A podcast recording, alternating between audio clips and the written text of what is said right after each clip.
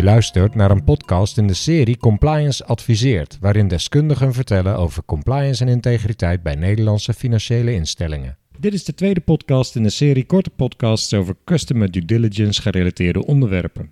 In de eerste van de serie vertelden Björn en Alex van Trustmore over UBO-identificatie bij stichtingen. In deze podcast zoomen we in op onderzoek naar herkomst van middelen en vermogen. We hebben vooraf nog even gekeken in de leidraden van het ministerie van Financiën en die van DNB.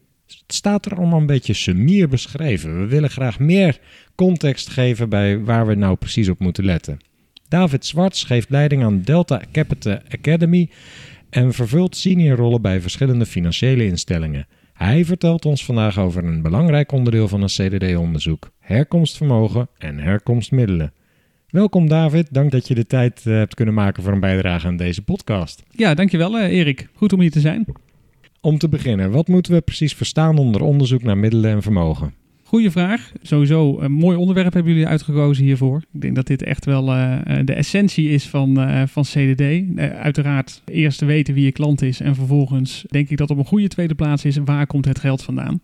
Dus als we het dan hebben over herkomst van middelen, herkomst van vermogen, dat is die essentie. Waar komt dat geld nou precies vandaan?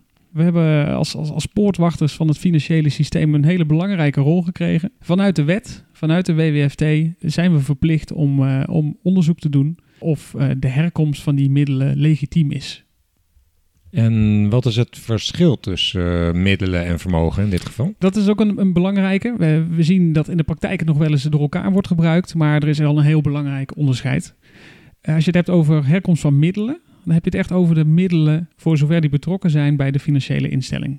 Als we het hebben over herkomst van vermogen, dan hebben we het over een veel breder perspectief. Dan hebben we het echt over het totale vermogen, de totale vermogenspositie van de klant. Dus daar zie je dat de scope een stuk breder gaat.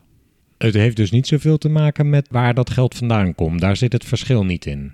Nee, die, die herkomst kan uh, hetzelfde zijn, kan vergelijkbaar zijn. Dus het zit hem vooral op de insteek van je onderzoek. Dus op het moment dat je het hebt over herkomst van vermogen, ja, dan wordt er van jou als instelling dus meer verwacht. Een bredere scope, meer diepgang op waar het geld van de klant vandaan komt. Bij herkomst van middelen heb je het echt over de primaire scope. Dus de middelen voor zover die over de rekening gaan bij jouw instelling. Voor zover uh, dat gebruikt wordt om rente en aflossing te betalen. Voor zover dat gebruikt wordt om in een levensverzekering onder te brengen. Nou, dat zijn de momenten dat jij als instelling in aanraking komt met de middelen van jouw klant. En ben je verplicht om daar onderzoek naar te doen. En stel nou dat je wilt investeren in een klant, een zakelijke relatie. Die vraagt een lening, maar je weet dat er een andere partij, een derde partij, ook een lening verstrekt. Zegt dat je er allebei voor een half miljoen in gaat of zo. Ja, ja. Ben je dan ook onderzoekplichtig naar de middelen waar die, die derde partij dat uh, vandaan heeft? Nou, het zou in theorie natuurlijk kunnen dat die middelen worden gebruikt om bij jou ook rente en aflossing te betalen. Uh, dus er vindt wel een bepaalde vorm van vermenging van geld plaats. Uh, maar we zien dat daar instellingen wat verschillend mee omgaan. Dat het echt sterk afhankelijk is van, van de risk appetite van de instelling. Instellingen die grootschalig op die manier inderdaad investeren in projecten vanuit uh, wholesale banking activiteiten. Daar zien we dat er meer en meer oog is voor dit soort derde partijen. Wie zijn dat? Willen we daarmee geassocieerd worden?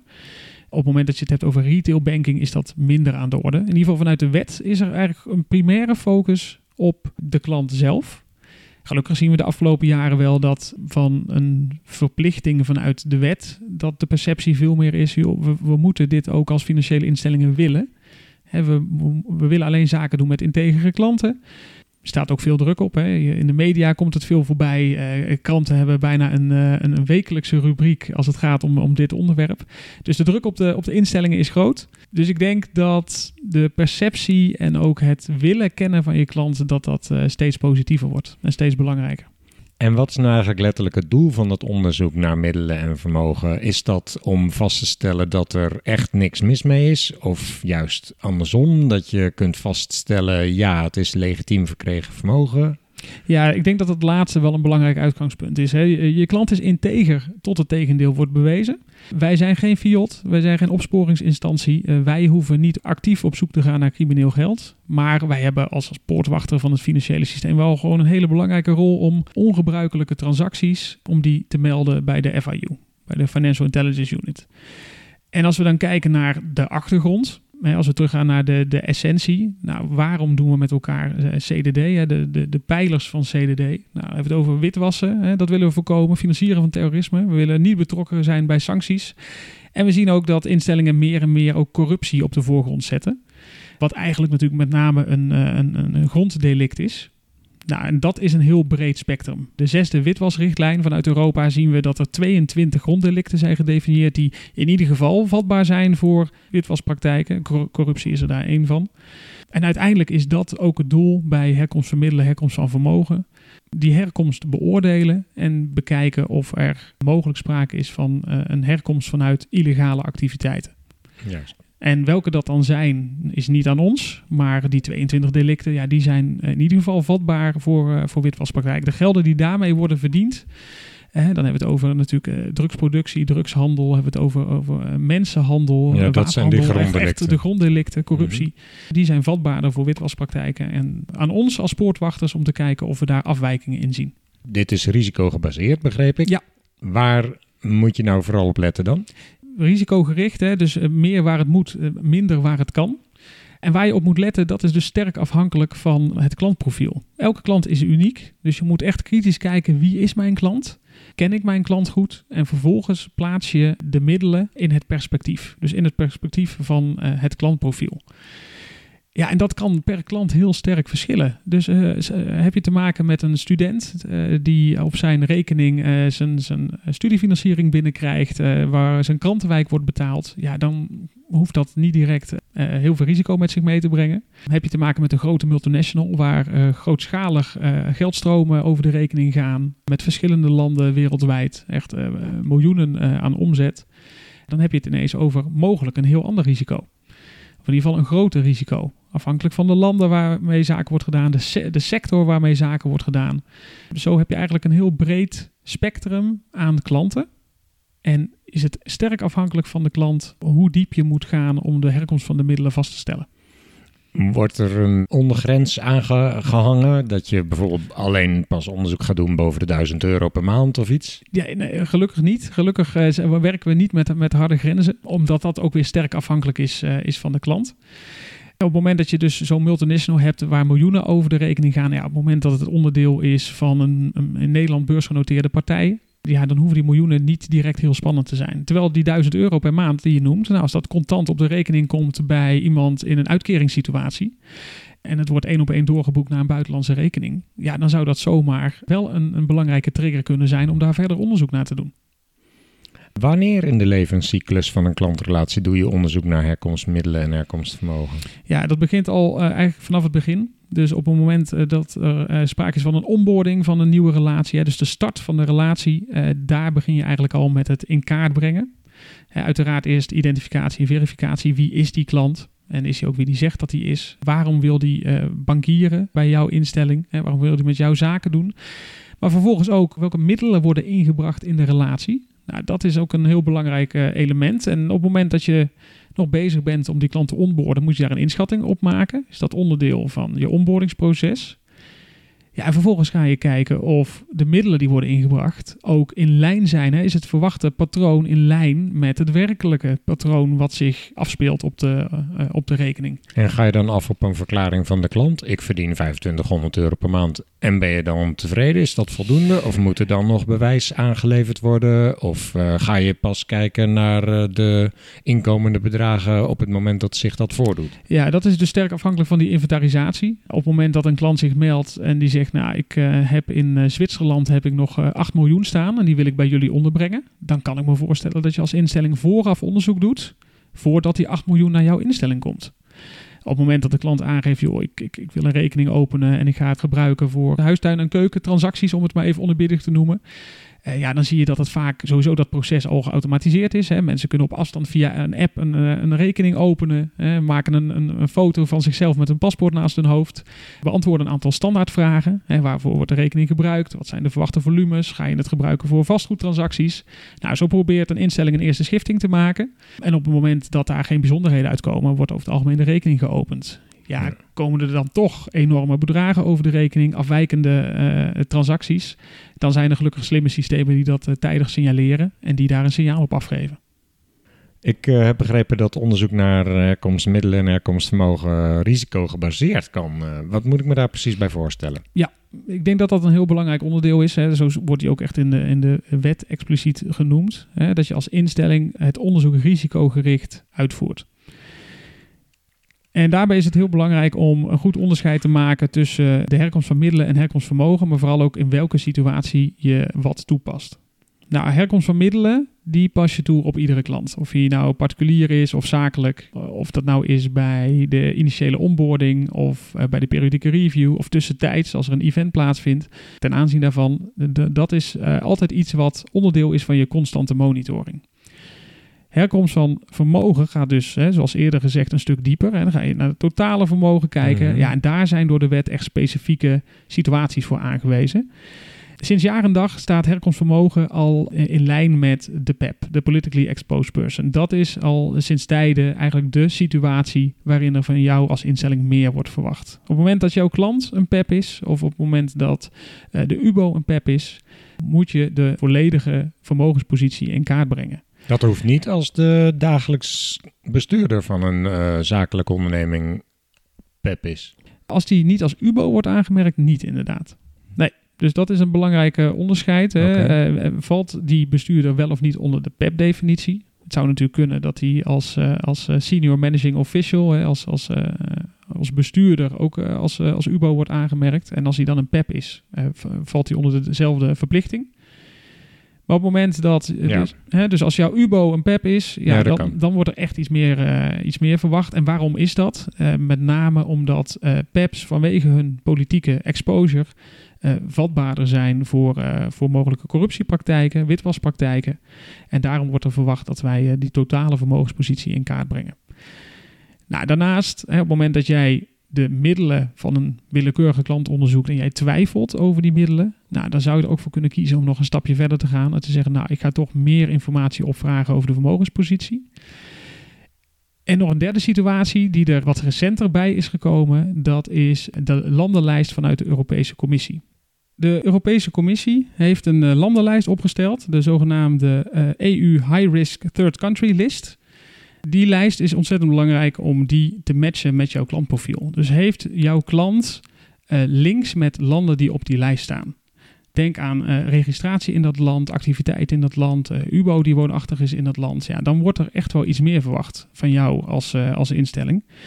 Nou, op die lijst staan landen als Iran, Syrië, Noord-Korea. De, de, de, bekende landen die bij eigenlijk alle instellingen donkerrood gekleurd zijn. Daar willen we direct of indirect geen zaken mee doen. Maar ook landen als uh, de Bahama's, eh, Mauritius, Panama. Nou, vooral die laatste, uh, een aantal jaar geleden met de Panama Papers en alle andere leaks die daarna bekend werden. ja, dat heeft wel gezorgd voor een versnelling. En ook wel dat er kritischer wordt gekeken naar betrokkenheid van bepaalde landen. In dat geval gaat het gronddelict dus niet om corruptie, maar om. Oh, tenminste, dat zou natuurlijk nog steeds kunnen, nog maar het is wel enorm uitgebreid. Het is uitgebreid uh, in die zin dat uh, je als instelling gewoon scherp moet zijn dat als er geldstromen vanuit die landen komen, hè, dat daar vanuit die landen gewoon niet of, of onvoldoende toezicht is, onderzoek naar wordt gedaan. Uh, zijn op bepaalde opzichten zijn het vrijstaten. Nou, op het moment dat vanuit het witwasproces crimineel geld, corruptiegeld wordt uh, ondergebracht in dat soort belastingparadijzen of in dat soort landen, zonder verder onderzoek. En vervolgens wordt er vanuit die landen uh, worden de geldstromen opgezet richting jouw financiële instelling. Ja, dan ben je verplicht om daar verder onderzoek naar te doen als herkomst van middelen. Maar daarnaast dus ook de totale vermogenspositie van de klant en van de UBO in beeld te brengen. Mhm. Omdat het risico uh, significant is vanwege betrokkenheid van deze landen. Hoe stel je het totale vermogen van een klant eigenlijk vast?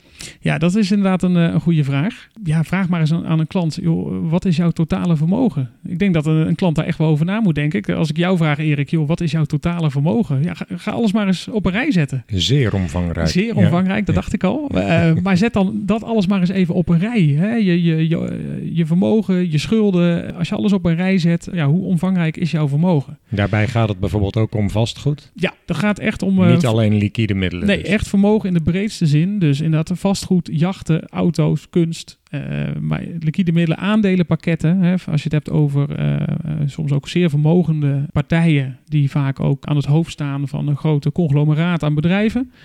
Nou, vaak is dat een, uh, wel een uitdaging om dat in beeld te brengen. En als je in de virtuele valuta zit, kan dat Zeker, dat is... enorm verschillen natuurlijk per dag. Ja, dat kan enorm verschillen inderdaad. Dat fluctueert uh, enorm. Daarnaast is dat natuurlijk niet altijd uh, even inzichtelijk.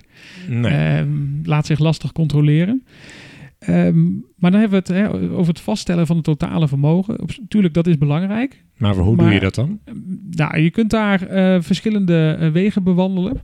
Um, Vaak is het zo, hè, op het moment dat je het hebt over herkomst van de vermogen, en dus vaak ook PEPs bij betrokken zijn, dat zijn vaak mensen met een dusdanige politieke exposure dat er uh, vaak ja, veel informatie vindbaar is in publieke bronnen.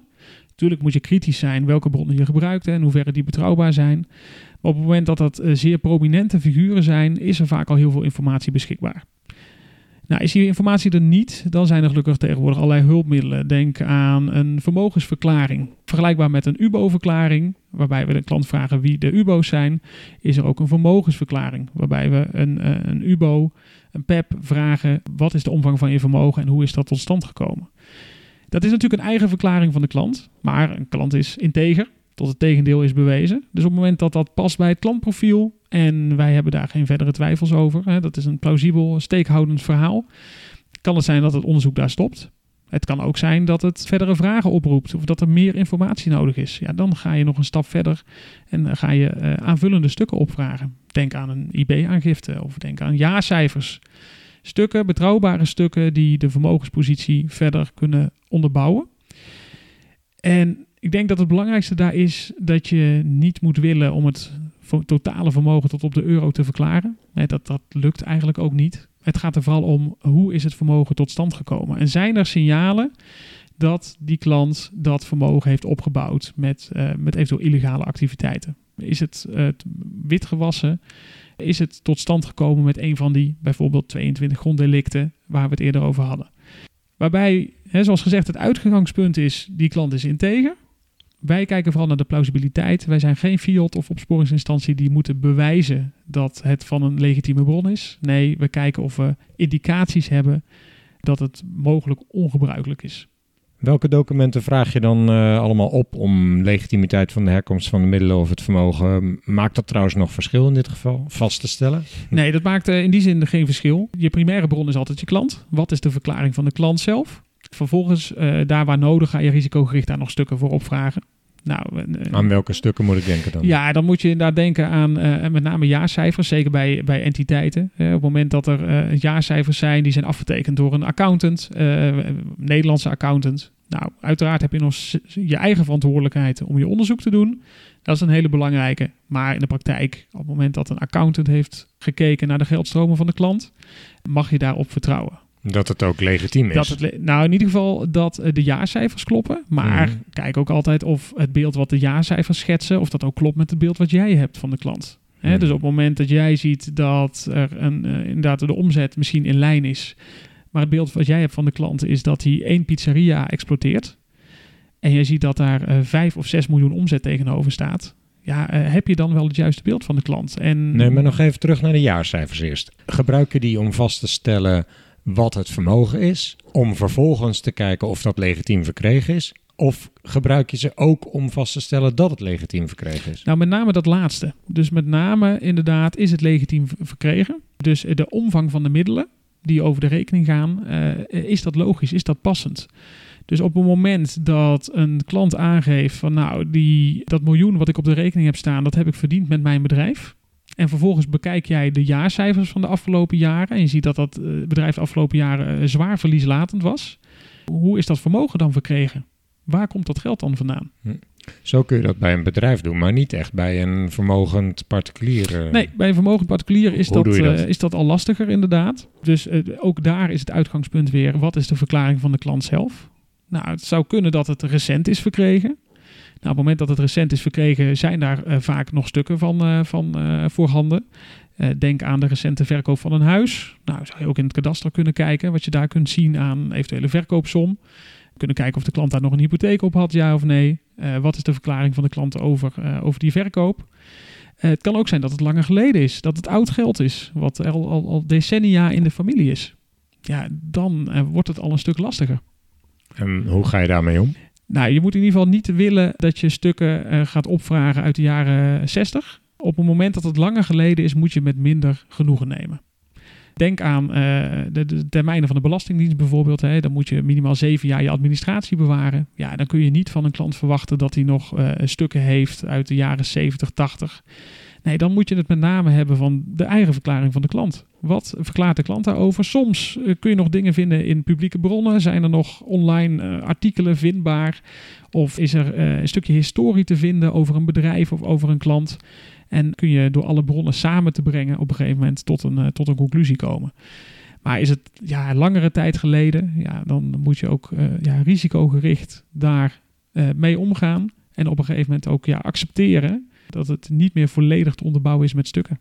Kun je iets noemen waar je van in de praktijk hebt gemerkt, dat moet je speciaal in de gaten houden als je bezig bent met het vaststellen van middelen en vermogen? Ja, ik denk dat het belangrijkste hier echt wel is het kennen van je klant. Dus het klantprofiel scherp hebben. Wie is die klant? Wat zijn die activiteiten die die onderneemt? Welke sector, hè, onder andere, eh, is daar heel belangrijk. Zodat je ook kunt kijken van nou, wat daar over de rekening gaat. De, de, de activiteiten die worden ontplooid en het geld wat daarmee wordt verdiend. Ja, dan is sectorkennis om sectorkennis te is heel belangrijk. ja. ja. we zien dat in, eigenlijk in brede zin dat dat steeds belangrijker wordt. Echt kennis hebben van de sector en wat, daar, uh, wat je daar kunt verwachten aan, aan geldstroom en aan middelen. Dat brede perspectief hebben van je klant. Hè. CDD is natuurlijk oog hebben voor detail. En aan de andere kant toch ook het grotere plaatje kunnen overzien. Dus goed snappen wie die klant is en wat hij doet. En vervolgens in dat perspectief de herkomst van die middelen plaatsen. En zorgen, eh, echt wel belangrijk dat je dat op de juiste manier opschrijft. Je pen is je enige wapen. Mm Heel belangrijk, dus die moet messcherp zijn. Dus zorg ervoor dat je dat ook echt op de juiste manier vastlegt. Dat het voor een, voor een onafhankelijke lezer een, een, een helder en consistent verhaal is, wat ook echt objectief wordt, uh, wordt beschreven en daar waar nodig risicogericht onderbouwd met stukken. En hoe ver moet je dan eigenlijk gaan? Wanneer ben je tevreden? Dat is inderdaad uh, misschien wel de meest lastige. Hoe ver moet je gaan? Hè? Als ik uh, trainingen verzorg, is dat denk ik uh, ongeveer de, de, vraag die standaard voorbij komt. David, hoe ver moet ik dan gaan? Ja, en dan is het soms het, het flauwe antwoord, ja, zo ver als nodig is. Zo ver als nodig is om vast te stellen of jouw klant betrokken is bij, ja, dan kom je bij de pijlers weer van CDD, witwassen, financieren van terrorisme of schending van sanctiewetgeving. Dat is uiteindelijk steeds weer terug naar de essentie. Kun je niet als criterium dan hanteren dat je iemand moet kunnen uitleggen dat het kennelijk legitiem verkregen is? Uh, is dat een criterium misschien? Ja, ik denk het wel. Ik denk op het moment dat jij... Iemand, een toezichthouder. Een toezichthouder. Uiteindelijk een, een, een, neutrale lezer. Iemand die geen kennis heeft van het dossier. Op het moment dat hij het dossier leest, moet hij kunnen begrijpen wat de herkomst is van die middelen. Of daar waar nodig ook de herkomst van het totale vermogen. Heb je voorbeelden van situaties waarin het verstandig bleek achteraf om nader onderzoek uh, uit te voeren naar middelen en herkomst van vermogen? Ja, we, we komen regelmatig inderdaad situaties tegen waarbij echt wel die, die verdiepingsslag nodig is. Dat je achteraf zegt, maar goed dat we daar nog verder in zijn gedoken, omdat er dan toch verrassende zaken aan het licht komen. Hoeft niet altijd meteen verkeerd te zijn, maar het geeft vaak wel een ander perspectief van de klant. Bijvoorbeeld jaren geleden bij een instelling een, een, een klant die actief was in vastgoed de huurpenningen liepen over de rekening van de instelling. En uh, het pand was een, een, aantal jaar geleden aangeschaft. Waarbij de banken niet wilden financieren vanwege eh, risico's, maar wel een derde partij bereid bleek om een lening te verstrekken. Die lening werd verstrekt vanuit een entiteit op Curaçao. Nou, die entiteit was ook terug te vinden in de Kamer van Koophandel van Curaçao. Maar we konden al vrij snel terugvinden dat een aantal maanden na het verstrekken van die lening die entiteit was uitgeschreven vanwege uh, verplaatsing van de statutaire zetel naar Malta. Nou, vervolgens vonden we de Maltese Limited, die, uh, die daaraan verbonden was. Uh, daarboven bleek een stak te zitten in Nederland, een stichting administratiekantoor. Was allemaal te herleiden uit openbare bronnen. Nou, de certificaathouders daarvan zijn uiteraard niet te vinden in de, in de Kamer van Koophandel, maar wel de bestuurders. Dat bleken twee heren op leeftijd te zijn. En bij navraag van de klant bleek dat verre familie te zijn. Uh, waarbij de klant ook verder geen toelichting wilde geven. Nou, daar deden we dus eigenlijk onderzoek uh, niet naar uh, het eigen vermogen van de klant, maar naar het vreemd vermogen. Hè, want er was sprake van een lening. Lening van een derde vanuit het buitenland, vastgoed betrokken. Nou, die combinatie zorgde ervoor dat we daar dieper in zijn gedoken. Want ja, daar loop je het risico dat je betrokken raakt bij de, de meest klassieke manier van, van witwassen, hè, de, de loan-back transactie. Waarbij mogelijk het risico was dat er geld was overgebracht buiten Nederland Ehm, Wat hebben jullie ermee gedaan toen? gemeld? Al klant afgesloten? Wat, wat doe je? Uiteindelijk is daar, uh, hebben we geprobeerd daar verder informatie op, op boven, water, boven water te krijgen. Dat is uiteindelijk niet gelukt. Dus die is uiteindelijk overgedragen naar een andere afdeling ter, ter afwikkeling. Ik kan me voorstellen dat er uiteindelijk is, inderdaad is overgegaan tot het melden van transacties. Mhm. Maar ja, je loopt hier inderdaad het risico dat de loan-back transactie, dat geld elders is ondergebracht en dat de klant met een omweg eigenlijk zijn eigen geld weer terugleent. Dus ik denk dat het belangrijk is, wees alert op leningen. dus niet van, uh, van de, de, bekende financiële instelling, maar leningen van derden. Zeker als dat uit het buitenland komt. herkomst van middelen is niet alleen de middelen van de klant zelf. Nee, ook zeker middelen die in de relatie worden gebracht, in de klantrelatie worden ingebracht door derden. Uh, laten we daar ook vooral met elkaar scherp op zijn. Hmm. Oké. Nou, herkomstvermogen en herkomstmiddelen is hiermee redelijk toegelicht verder. Maar heb je nog specifieke tips voor de CDD-analyst die toch iedere keer met deze uitdaging te maken heeft? Het is een grijs gebied. Hè, dus risicogericht en elke klant is anders. Dus dat maakt het heel lastig. Ik denk dat je vooral je steeds bewust moet zijn van waarom doe ik dit? Wat is de essentie van het onderzoek wat ik doe? Dus ga elke keer weer terug naar de basis van CDD. Dus twijfel je over hoe ver moet ik gaan? Twijfel je of bepaalde informatie wel of niet relevant is of bruikbaar voor je onderzoek? Bedenk dan steeds: heb ik deze informatie nodig om vast te stellen of mijn klant betrokken is bij witwassen, financieren van terrorisme of schending van sancties? Als je steeds teruggaat naar die essentie, dan, ehm, ja, dan, dan heb je een goede scope op je onderzoek. Mhm. Schrijf vooral ook zo objectief mogelijk. Maar geef op een gegeven moment ook wel duidelijk je eigen mening. Waarom vind jij dat de herkomst van die middelen of de herkomst van het vermogen passend is bij deze klant, passend is bij dit klantprofiel? Dus zorg ervoor dat dat voor die neutrale lezer helder is. En dat je dat op een gestructureerde manier opbouwt en dat je ook heel duidelijk verwijst naar de stukken, naar de bronnen die je hebt gebruikt. Dus zorg ervoor dat je dat gestructureerd en helder vastlegt. Daarnaast denk ik dat het eh, heel belangrijk is dat je vooral kijkt naar de informatie die voorhanden is. Uh, de, ook de informatie vanuit uh, de relatiemanagers bijvoorbeeld, die kennen hun klant echt goed. Zorg ervoor dat je die informatie ook meeneemt. En ja, ik maak nog regelmatig mee dat een relatiemanager of uh, een banker zegt van... joh, David, by the way, je moet dit en dit nog even weten over die klant. wat achtergrondinformatie. En vaak is die achtergrondinformatie cruciaal om de context van de klant te begrijpen of om, om risico's te detecteren. Ik merk dat we onze klanten over het algemeen echt wel goed kennen. Zeker als daar een vaste relatiemanager aan gekoppeld is. Maar dat het vaak nog onvoldoende scherp wordt opgeschreven in het dossier. Onvoldoende uh, oordeelsvorming. Dat kan vaak nog wat scherper. Dus uh, zeker met een vaste relatiemanager. We kennen onze klant vaak echt wel. Maar leg het goed vast. En zorg ervoor dat het goed wordt onderbouwd. Het blijkt ook vaak lastig om wat je in je hoofd hebt ook gewoon goed op te dat schrijven. Dat is heel lastig. Ja, zeker als jij zo'n klant al 10 jaar of al 15 jaar kent, dan uh, heb je daar zoveel kennis van dat het voor jou allemaal heel logisch is. Is soms ook een risico, hè? soms ben je niet helemaal in staat om dan neutraal op afstand naar zo'n klant te kijken. Maar inderdaad, wat er in je hoofd zit om dat uh, toe te vertrouwen aan het papier, dat kan nog wel eens echt een uitdaging zijn. Dankjewel voor deze podcast, uh, David. Graag gedaan. Dank dat je luisterde naar Compliance Adviseert. Heb je met plezier geluisterd? Volg dan op LinkedIn de pagina van Compliance Adviseert. En kijk even op onze website complianceadviseert.nl. Laat daar meteen even je e-mailadres achter, zodat je een update ontvangt in je mailbox zodra er weer een aflevering klaar staat om te beluisteren. Heb je een vraag of aanvulling? Laat dan ook even een reactie achter op de LinkedIn-pagina of de contactpagina op onze website. Ik zal het met plezier lezen en wellicht kunnen we op die manier nog meer compliance kennis delen. Heel graag tot de volgende podcast.